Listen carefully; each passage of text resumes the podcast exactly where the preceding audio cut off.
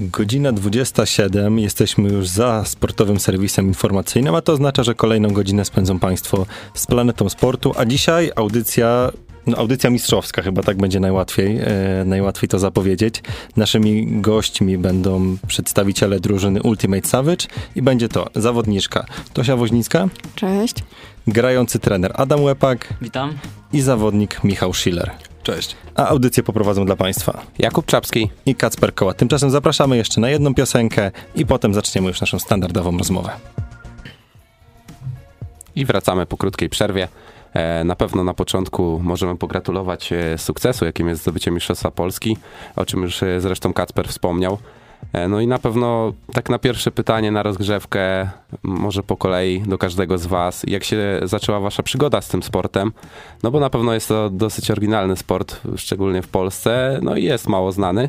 I może przytoczycie nam tutaj po kolei ja zacznę. Moja przygoda zaczęła się w ten sposób, że koledzy zabrali mnie na trening e, już dawno temu, bo w sumie w gimnazjum. Ja trenuję już z 9 lat. I no i jakoś się to potoczyło. Najpierw tak e, dla zabawy, a później gdzieś tam e, bardziej się wciągnąłem w tą, w tą grę i treningi na poważnie. Michał? E, moja przygoda zaczęła się 8 lat e, temu, kiedy mój kolega kupił sobie psa Border Collie. Miał plan zacząć jeździć z nim na turnieje właśnie do frisbee i żeby dopracować swoje rzuty i ulepszyć swoją technikę, zaczął chodzić właśnie też na treningi Ultimate Frisbee do poznańskiej drużyny Uwaga Pies. E, I zawsze, mnie, zawsze do mnie mówił, w środę były wtedy rzutingi, zawsze mówił, chodź Michał, przecież się porzucasz tylko. Ja mówiłem, nie, no, jakieś rzucanie, to nie będę przecież na to szedł.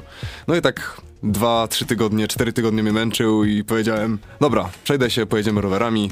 Pojechałem i tak od ośmiu lat zostałem. Yy, mnie z kolei zabrała koleżanka i zawsze się z niej bardzo śmiałam, że jak można się zmęczyć, jak można mieć zakwasy po rzucaniu frisbee. I w końcu stwierdziłam, że też pójdę na trening i bardzo mi się spodobało. Bardzo dużo dynamiczność była, super ludzie i stwierdziłam, że też zostanę na dłużej. Okej, okay, no to jeżeli możemy, e, możecie w ogóle, bo tu nie, nie, zapowiedzieliśmy, chyba nam musiał umknąć. Generalnie, jeżeli chodzi o dyscyplinę, to jest to Ultimate Frisbee, e, gdzie punkty właśnie zdobywa się dzięki, dzięki rzucaniu frisbee. Gdybyście mogli właśnie pokrótce przedstawić naszym słuchaczom zasady takie te chociaż najbardziej podstawowe, że mniej więcej będzie wiadomo o co chodzi. Hmm, to ja może opowiem. E, generalnie w meczu uczestniczą dwie drużyny siedmioosobowe i boisko do gry ma wymiary 100 e, na 37 metrów. I na końcach boiska, na dwóch końcach boiska znajdują się e, strefy punktowe, tak zwane u nas zony. I gra generalnie polega na tym, żeby wymieniając dysk między e, zawodnikami ze swojej drużyny, przejść e, z jednej, jednego końca boiska na drugiej i zdobyć w tej strefie punktowej punkt, łapiąc po prostu dysk. E, tak, i e, oczywiście zawodnicy drugiej drużyny e, starają nam się to jak najbardziej utrudnić, przeszkodzić, to wymienianie dysku między sobą i zasady jeszcze są takie, że zawodnicy nie mogą po pierwsze biegać z dyskiem, czyli kiedy dostaniemy dysk, ma, musimy się zatrzymać, mieć zawsze jedną nogę na podłożu i mamy 10 sekund na to, żeby ten dysk oddać komuś innemu z naszej drużyny. I jeszcze co ciekawe, w naszej dyscyplinie nie ma sędziów, czyli e, tak naprawdę wszystkie kwestie sporne rozwiązujemy między sobą. Sami sobie sędziujemy. Okej, okay, no właśnie o to miałem pytać, bo też tak y, obiło mi się uszy, że właśnie sędziego nie macie, czyli po prostu jeżeli jest jakikolwiek konflikt na, na boisku, to, to gdzieś tam między sobą dyskutujecie i dochodzicie do tak, wspólnego dokładnie. konsensusu. Mhm.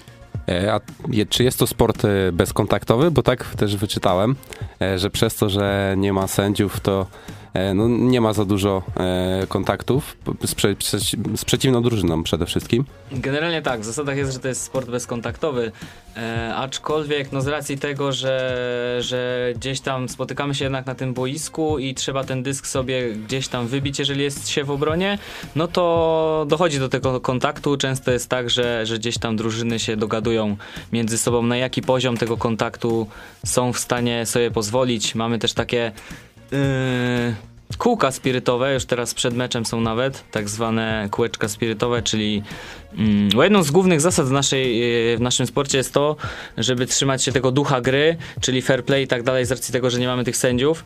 E, no i tam możemy sobie między innymi o tym porozmawiać, na jaki poziom kontaktu chcemy sobie pozwolić, czy w ogóle się nie dotykamy, czy możemy się troszeczkę, że tak powiem, przepychać.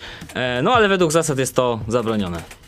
Okej, okay. z ciekawości, jeżeli możecie odpowiedzieć, to odpowiedzcie, mieliście właśnie jakieś nieciekawe sytuacje związane z tym, że, e, że tego sędziego nie ma, że faktycznie nie mogliście się dogadać z drugą drużyną i czy wypłynęły właśnie z tego kiedykolwiek jakieś nieprzyjemności? Oj, zdecydowanie jak najbardziej. To nie tylko nam, ale tak jak oglądaliśmy też niektóre mecze, czy czasem na przykład już e, te mecze o najwyższe miejsca bywają właśnie takie dosyć no, spięte i właśnie takie już wtedy w naszym slangu niespirytowe. Ale jakby w zasadach jest zapisane to, że najczęściej e, dyskusja o tym, co się stało na boisku i jak chcemy to rozwiązać, powinna przebiegać ogólnie do około minuty. Czyli jeżeli ta rozmowa trwa za długo i nie możemy dojść do porozumienia, to wtedy po prostu e, cofamy dysk, czyli cofamy się do sytuacji, e, która, przed którą nastąpiło to, o czym rozmawiamy, no i wtedy zaczynamy roz, rozgrywać to tak, jakby się tego nie, wydarzyło. Cofamy dysk i staramy się o tym zapomnieć i grać dalej. A czy jest jakieś ograniczenie czasowe w meczu? E, tak jak już wspomniała Tosia, e, macie 10 sekund na oddanie dysku, ale czy jest jakieś ograniczenie, czy, czy gracie do konkretnej ilości punktów, jak to się odbywa? E, tak, tak. Gramy do 15 punktów, czyli jeżeli pierwsza drużyna, która zdobędzie 15 punktów, e, to automatycznie wygrywa mecz. I takie mecze mistrzowskie gramy po 100 minut.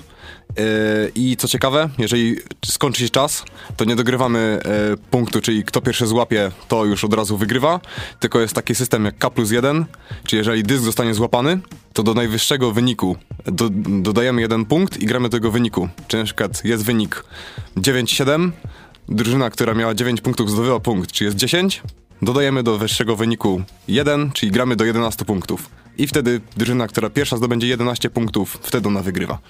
I to można nazwać taką dogrywką, rozumiem. Tak, dokładnie tak. To jest jeszcze danie jakby szansy drużynie, e, która przegrywała, albo na przykład za późno się obudziła, więc bardzo ważne w naszym sporcie jest to, żeby nigdy się nie poddawać i zawsze walczyć do samego końca, bo mecz, który wygląda na przegrany, można tutaj wygrać. E, okej, okay. Tosia, ty właśnie wspomniałaś o zasadach i powiem szczerze, że dla osób, które niekoniecznie e, znały dyscyplinę, samo boisko i same zasady na zasadzie przebiegania z dyskiem mogą przypominać trochę futbol amerykański albo rugby i czy w pewien sposób Ultimate Frisbee właśnie był odwzorowany na tych dyscyplinach i czy czerpało właśnie z nich jakąś inspirację? Ja myślę, że tak, no to jest sport pochodzący e, z Ameryki w końcu. E, tam jest najbardziej, no jeden z bardziej popularnych sportów jest właśnie futbol amerykański. E, boisko jest mega podobne, jak się ogląda te, te amerykańskie mecze z tych najwyższych lig, to oni właśnie rozgrywają większość z tych meczy na, na boiskach do futbolu amerykańskiego, więc myślę, że na pewno była to jakaś inspiracja. Ale te linie i oznaczenia na boiskach od futbolu amerykańskiego czy rugby no nie mają nic wspólnego z waszą dyscypliną. Nie, nie, nie. Te, te odliczanie tych metrów nie ma, nie ma nic wspólnego. Mamy jakby swoje linie e, inaczej policzone, więc e, bez związku. A to może takie pytanie e, z innej beczki. Jak w ogóle wygląda organizacja gry w waszej drużynie? Czy to się też właśnie odbywa, każdy ma swoją pozycję, każdy zna swoje zadanie? No po prostu takie proste pytanie.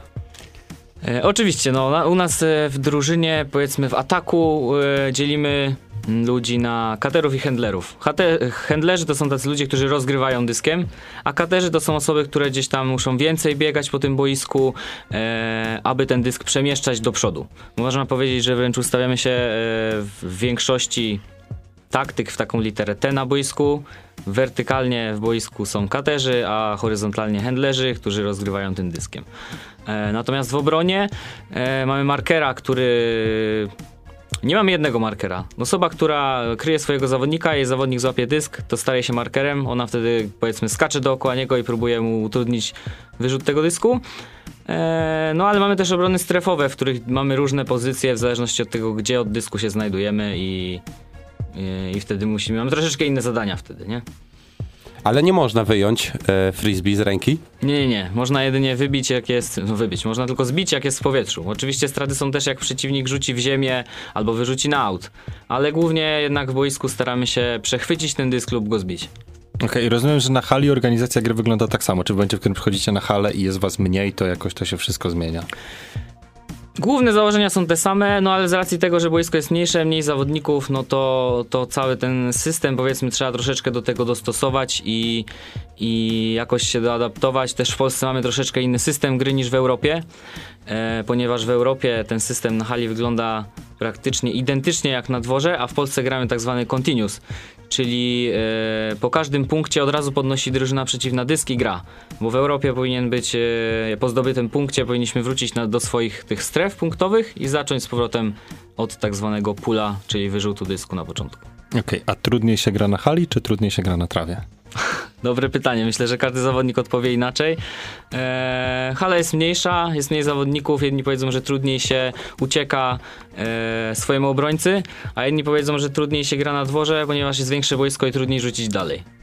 Okej, ale są jakieś takie umiejętności, na przykład, które rozróżniają zawodników e, halowych, a trawiastych? Pytam w sensie na zasadzie takiego porównania, trochę, które mi przychodzi e, do futsalu i piłki nożnej. Że na przykład jak się gra w piłkę nożną na hali, to zawsze dużo bardziej się kładzie nacisk na tę technikę i, i na tę grę na mniejszej powierzchni. I czy właśnie tak samo wygląda to u was, że, że faktycznie na hali gra się lepiej zawodnikom, jakkolwiek to nazwać bardziej technicznym, czy, czy to po prostu nie ma znaczenia i dla was przejście z trawy na halę jest po prostu rutyną? Myślę, że rutyną. Większość zawodników w Polsce gra i na dworze, i na hali. Gramy tak, tak naprawdę cały sezon. Można podzielić to na sezon zimowy i, i letni, ale tak naprawdę to jest cały rok grania. Praktycznie nie ma takiej przerwy, chyba że ktoś faktycznie skusi się na a, nietrenowanie w ogóle gry na hali i, i tylko poświęcenie całej zimy na siłownię albo takie rzeczy. Więc myślę, że dla nas to rutyna. E, Może zaprosimy e, na chwilę przerwy Tak, trochę się rozgadaliśmy, więc... i zaraz wracamy do Was. I wróciliśmy do Państwa, mam już prawie 20.30. Ja w ogóle nie wiem jak tobie, Kuba, ale strasznie szybko mi gdzieś ten czas ucieka, ale tak to chyba jest, że jak się w doborowym towarzystwie rozmawia, to, to zawsze te minuty szybko lecą. E, I wracamy też e, do naszej rozmowy. Słuchajcie, e, jak często trenujecie i jak wygląda wasz taki tradycyjny trening? I czy trenowanie na hali różni się jakoś częstotliwością od trenowania na trawie? To z założenia trenujemy dwa razy w tygodniu. E, My akurat przyjęliśmy taki system, tak jakoś wyszło nam. e, Najlepiej to wygląda e, razem z turniejami, że trenujemy we wtorki i czwartki. Jest to taka właśnie fajna odległość, że jednak po turnieju mamy ten poniedziałek na odpoczęcie, a jednak po czwartkowym treningu też właśnie piątek na to, żeby się skupić przed, przed turniejem. Em, No i właśnie to jest tak zasadniczo, mamy takie typowo dwa treningi z samego frisbee, z samego ultimate. E, No a dodatkowo staramy się, jako żeby właśnie dotrzymać, e, a nawet czasem przewyższyć właśnie rywali, no to e, robimy treningi dodatkowe e, i czy to spotykamy się na przykład na boisku po prostu trawiastym, żeby, nie wiem, pobiegać jakieś samobójki, e, porobić ćwiczenia na, dra- na drabince, na dynamikę, e, no albo dodatkowo chodzimy na siłownię, żeby budować też właśnie siłę i czy jakieś tam, czy partie ciała, które właśnie pomagają na przykład w dynamice i w takiej sile boiskowej po prostu. No to chyba jak w każdym sporcie teraz coraz bardziej trening indywidualny ma e, bardzo duże znaczenie. A tak jak już rozmawialiśmy poza anteną, e, powiedziałeś e, Adam, że jest około w Polsce 2000 zawodników. A jak to wygląda na świecie, w Europie? Może najpierw w Europie? No ciężko mi przybliżyć szczerze mówiąc taką liczbę. Ale jaką częścią Europy jest Polska?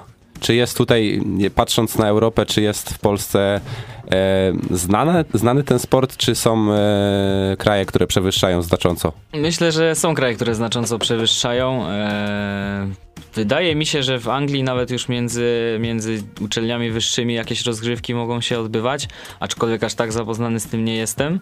Eee, no, ale myślę, że te kraje gdzieś tam bardziej na zachód są bardziej obeznane z tym sportem. Szybciej tam gdzieś przyszedł do nich, oni szybciej zaczęli od nas.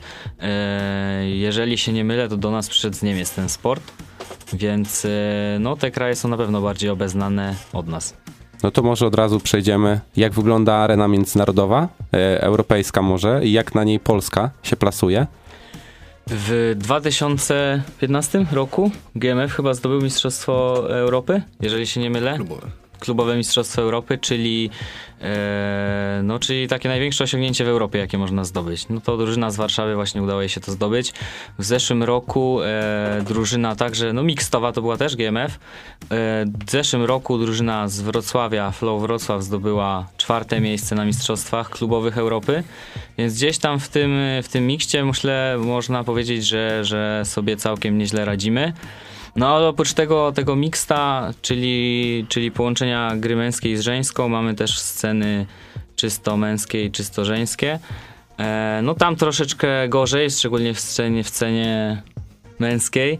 Myślę, że, że żadna drużyna polska nie była jeszcze w top 10 e, do tej pory, ale w Women, e, z tego co pamiętam, e, drużyna żeńska kiedyś zdobyła czwarte miejsce też. Troubles z Warszawy. Nie jestem pewien, ale wydaje mi się, że udało im się tak. Czyli można powiedzieć, że polskie Ultimate Frisbee stoi kobietami. No, można tak powiedzieć, że stoi kobietami. Myślę, że to bardzo dobrze, żeby to pokazywać też. Myślę, że na pewno można powiedzieć, że mamy kolejny sport bardziej utytułowany niż piłka nożna w tym kraju. Zdecydowanie, zdecydowanie. E, ale właśnie, e, rozmawialiśmy już o tych turniejach. Czy są jakieś takie konkretne wymagania organizacyjne, żeby w takim turnieju wystartować? W sensie konkretna liczba zawodników? To, czy właśnie, czy są jakieś te wymagania? Bo tu nawet ciężko mi zapytać jakieś konkretne kryteria. Żeby przystąpić do takich rozgrywek rankingowych w Polsce, e, to na pewno trzeba mieć 8 zawodników, przynajmniej w mikście teraz mówię. Cztery dziewczyny, czterech e, chłopaków musi się pojawić na początku meczu, żeby w ogóle wystartował ten mecz. No ale oprócz tego nie ma takich e, jakichś limitów e, minimalnych. Jest maksymalny limit dla drużyny 28 osób. Więcej nie może przekroczyć. No ale przy siedmiu, przy siedmiu szczerze mówiąc, zawodnikach na boisku 28 osób to są tak naprawdę cztery linie, więc to nie jest jakoś dużo, jeżeli się tak w- chce grać i odpoczywać w meczu, żeby być cały czas 100% w grze.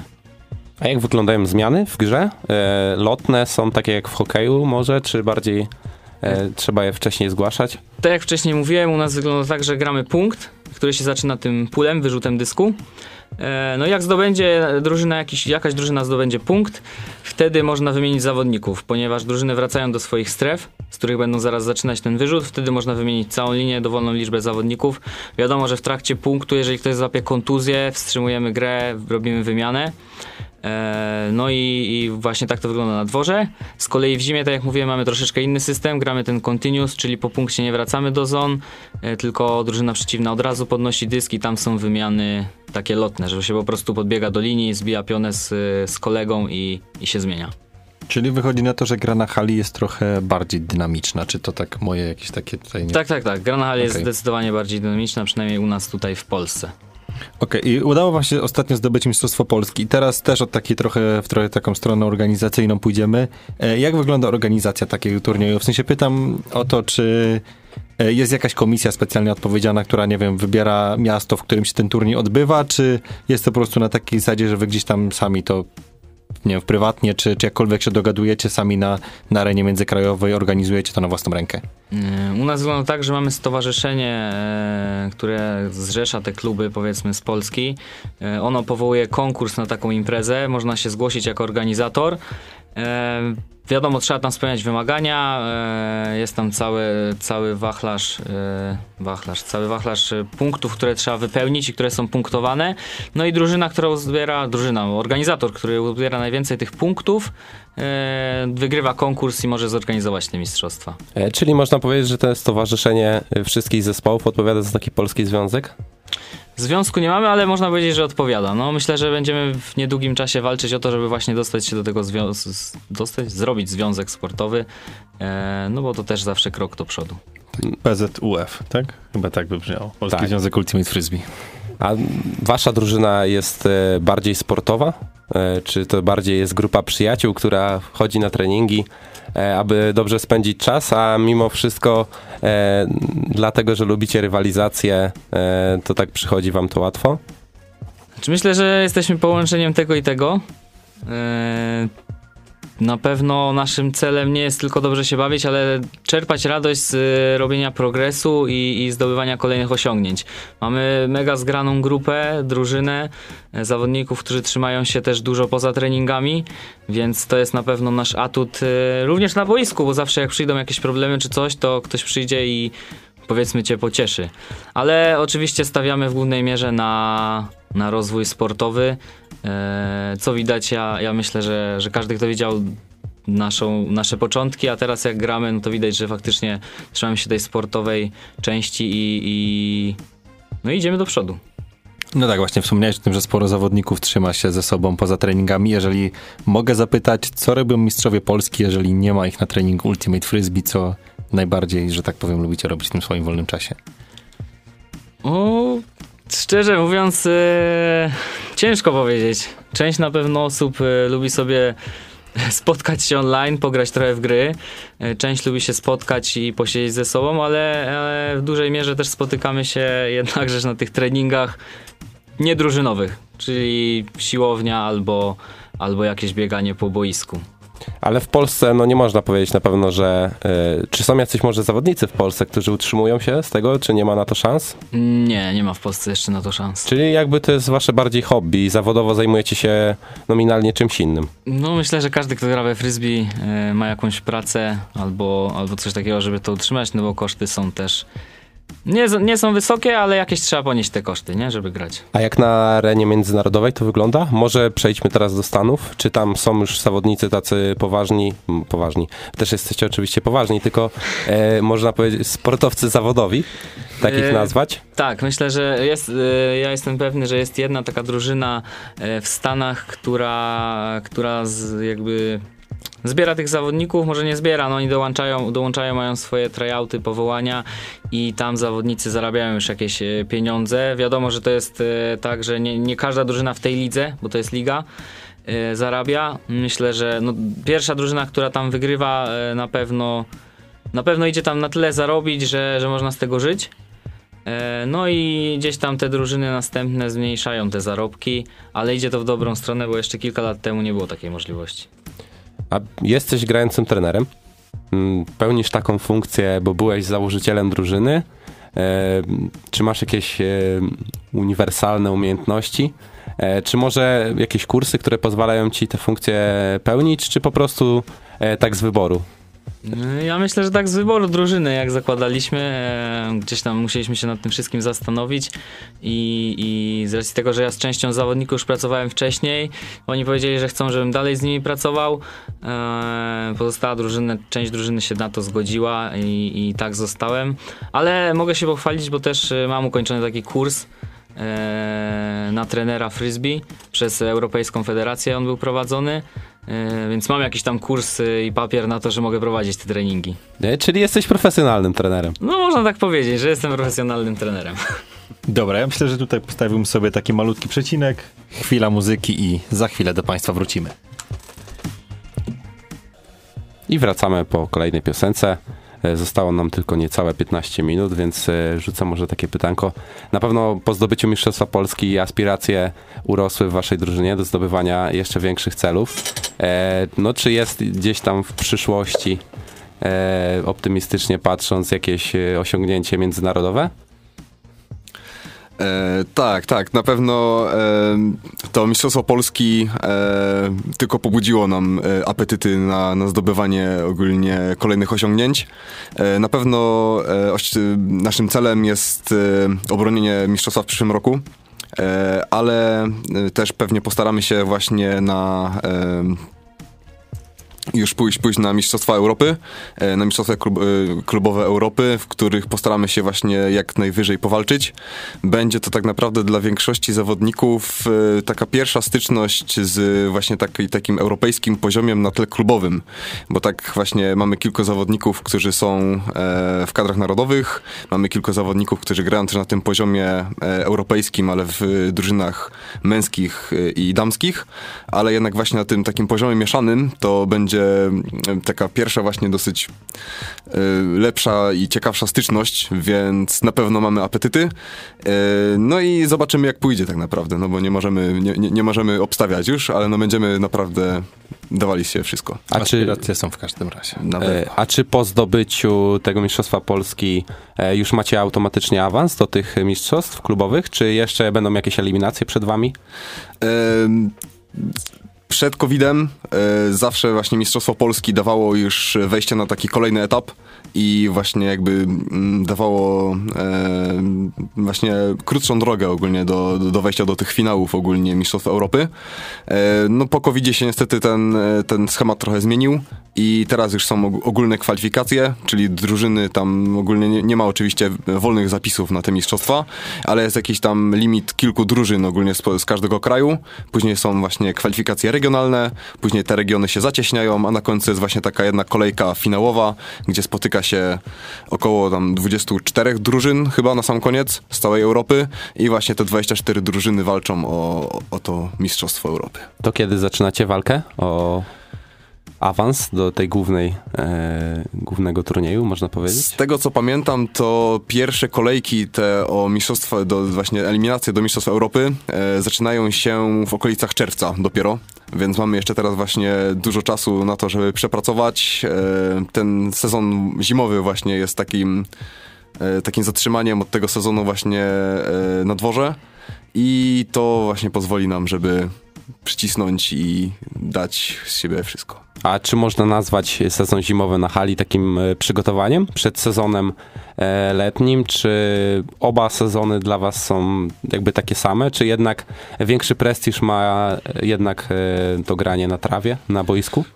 No tak, my się śmiejemy, że e, na hali to się śpi, a, a trawa tutaj pokazuje prawdziwe umiejętności. E, to jest ze względu na to, że jednak na hali nie wieje i nie ma warunków takich naprawdę atmos- atmosferycznych, które e, mogą nam przeszkodzić w rzucie, e, czy jakieś dyski mogą być zgaszone, e, nie pada, więc dysk nie jest mokry i jakby właśnie te rzuty, łapanie, rzucanie i są, jest bardzo, jest dużo łatwiejsze na hali, więc...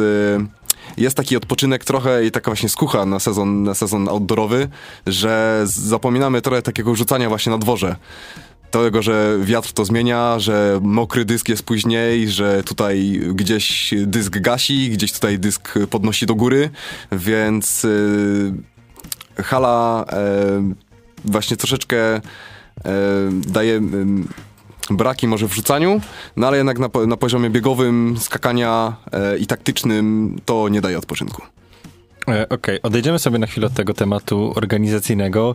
E, powiem szczerze, że jak zapoznawałem się z samą dyscypliną, to mi do tej pory rzucanie frisbee kojarzyło się z ludźmi stojącymi w parku, rzucającymi do siebie frisbee, które leciało w totalnie losowym kierunku po tym, jak się je rzuciło. I jakie rady moglibyście dać e, tutaj przede wszystkim naszym słuchaczom, żeby e, po rzuceniu e, frisbee ono po prostu nie leciało w totalnie losową stronę, tylko żeby faktycznie do tego celu dotarło?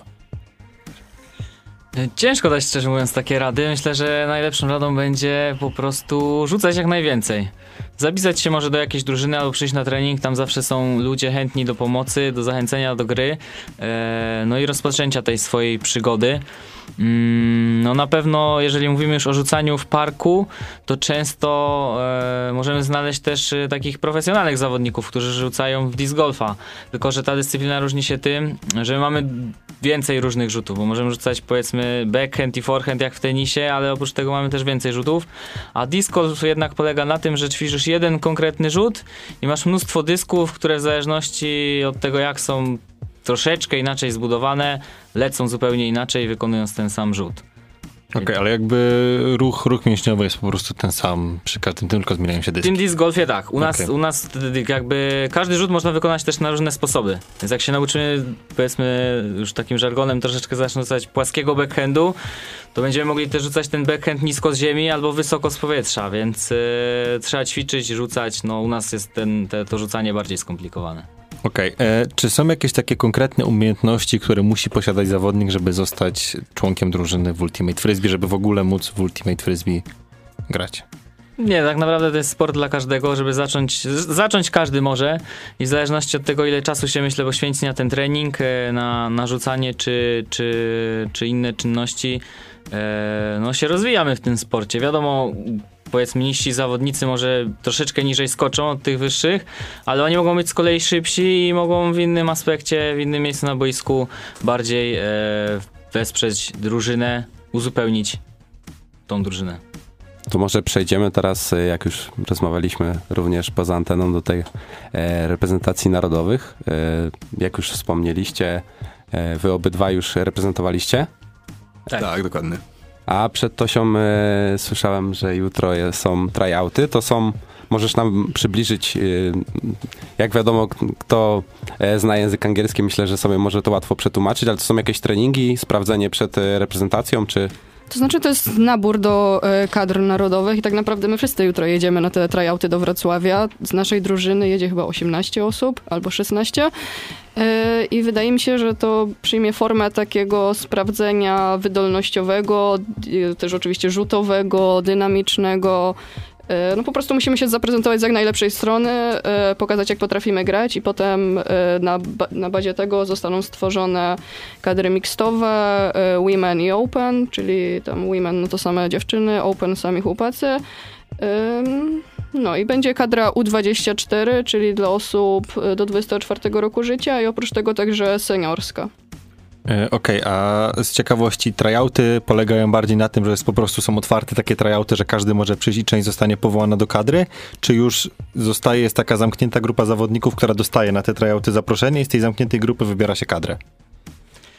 Y, Generalnie y, w tym roku mamy na tyle dużo zawodników, z tego co ja słyszałem, że, że te tryouty. Na tryoutach pojawią się już osoby wyselekcjonowane poniekąd. E, Dużo osób się zgłosiło, e, trenerzy, selekcjonerzy zrobili jakiś research i już powiedzmy poodrzucali część osób, które stwierdzili, że, że gdzieś tam nie mają szansy zagrać e, w tej kadrze. No i te tryouty też są podzielone na dwie tury. Mimo wszystko my jedziemy na pierwszą turę. Wiem, że będzie jeszcze druga tura pozostałych zawodników. A czy mm, są jakieś gwiazdy w Polsce uważane w waszym, e, waszej społeczności, może to tak to nazwę, e, takich e, najlepszy zawodnik, może taka gwiazda, która kieruje i za którą mogą podążać inni zawodnicy, na której mogą się wzorować? Na pewno jest wielu takich zawodników. e, Może Jednym nie, jesteś e, ty. no nie będę tego To mówił. na a- pewno. To ja może się też właśnie tutaj wepchnę trochę. No, Adam Łepak jest e, najlepszym zawodni za, zawodnikiem Mistrzostw Polski właśnie, więc no, na pewno dla nas, dla całej naszej drużyny jest zdecydowanie obiektem do naśladowania. E, ale no, jest dużo takich zawodników ogólnie, których, e, e, od których można łapać jakieś umiejętności, czy to na przykład bardziej z gry defensywnej, czy to bardziej z gry ofensywnej, czy co do doświadczenia na boisku, czy co do rzutów, e, więc na pewno kilka takich osób się znajdzie. Ja właśnie mówiąc to myślałem, że tak mało skromnie wspomnisz o sobie, ale jednak nie zdecydowałeś się na to, więc y, twoi y, zawodnicy z drużyny y, pomogli ci w tym. No, Cechy Tak. dobrego kapitana. E, Jeżeli już miałbym kogoś wskazać, e, tak faktycznie kto z Polski zaistniał na tej scenie jako powiedzmy taka e, gwiazda, no to chyba bym wspomniał tutaj Paulinę Dul, która miała okazję zagrać w takiej drużynie Eurostars, czyli e, najlepszych e, zawodniczek w Europie przeciwko najlepszym zawodniczkom ze Stanów Zjednoczonych. I to odbywa się co roku, na przykład taki mecz, y, czy... Znaczy teraz jak, jak był COVID, to chyba od tego odeszli ludzie, ale, ale do COVID-a to się odbywało chyba w miarę regularnie. A wygrała Europa czy Stany? No, Stany wygrały. Jaką ilością? Jak się... Oj, szczerze mówiąc nie pamiętam. Nie pamiętam, nie powiem. Ale myślę, że... Ale były to wyrównane e, pojedynki, czy tak już... Myślę, że jakby obejrzeć samą grę, to mogły być wyrównane, ale punktowo mogły nie wyglądać. Bo u, na, u nas to też jest e, ciekawe, często mecz wygląda na wyrównany, a może się różnić dużym, dużym wynikiem punktowym. Okej, e, czas nas powoli zaczyna tak bardzo, bardzo gonić, więc na koniec jakbyście mogli powiedzieć, jaki potencjał na rozwój w Polsce ma Ultimate Frisbee? E, Duży, zależy, zależy jak się do tego e, zabierzemy tak naprawdę. Jak się do tego zabierze to nasze stowarzyszenie, które tam zrzesza, no ale to nie tylko w ich gestii. Na pewno każda drużyna też musi promować, bo jeżeli wszyscy skupimy się na samym graniu, e, no to tak naprawdę nie będzie nowych osób, ale jeżeli każda drużyna zacznie promować ten sport, to stowarzyszenie zacznie promować jakoś bardziej ten sport, to na pewno myślę, że, że jest on ciekawy i, i wiele ludzi może zacząć go trenować. Czyli jak myślicie, czego możemy wam życzyć? rozwoju. Jak największego progresu w przyszłym sezonie. Okej, no to życzymy na pewno wam e, powtórzenia tego sukcesu i oby ta arena międzynarodowa również została zdobyta przez was. Tak, i powodzenia przede wszystkim jutro na tryoutach, to jeżeli cała wasza trójka jedzie, to dla całej trójki, no i dla wszystkich zawodników z waszej e, drużyny. Tak, czas niestety nasz e, tutaj już powoli dobiega końca. Y, Ja powiem szczerze, mi się dzisiaj, tak mi szybko ten czas zleciał, że nawet się, nawet się nie zorientowałem, że ta godzina, że ta godzina już minęła. Y, Mieliśmy dzisiaj przyjemność rozmawiać z zawodnikami drużyny Ultimate Savage. Y, I co, życzymy Państwu udanego wieczoru, udanego weekendu, a my słyszymy się na Planecie Sportu już w poniedziałek. Audycję dla Państwa poprowadzili dzisiaj. Jakub Czapski I Kacper Kołac życzymy miłego weekendu i energii na resztę tygodnia. i dobrej nocy. Tak.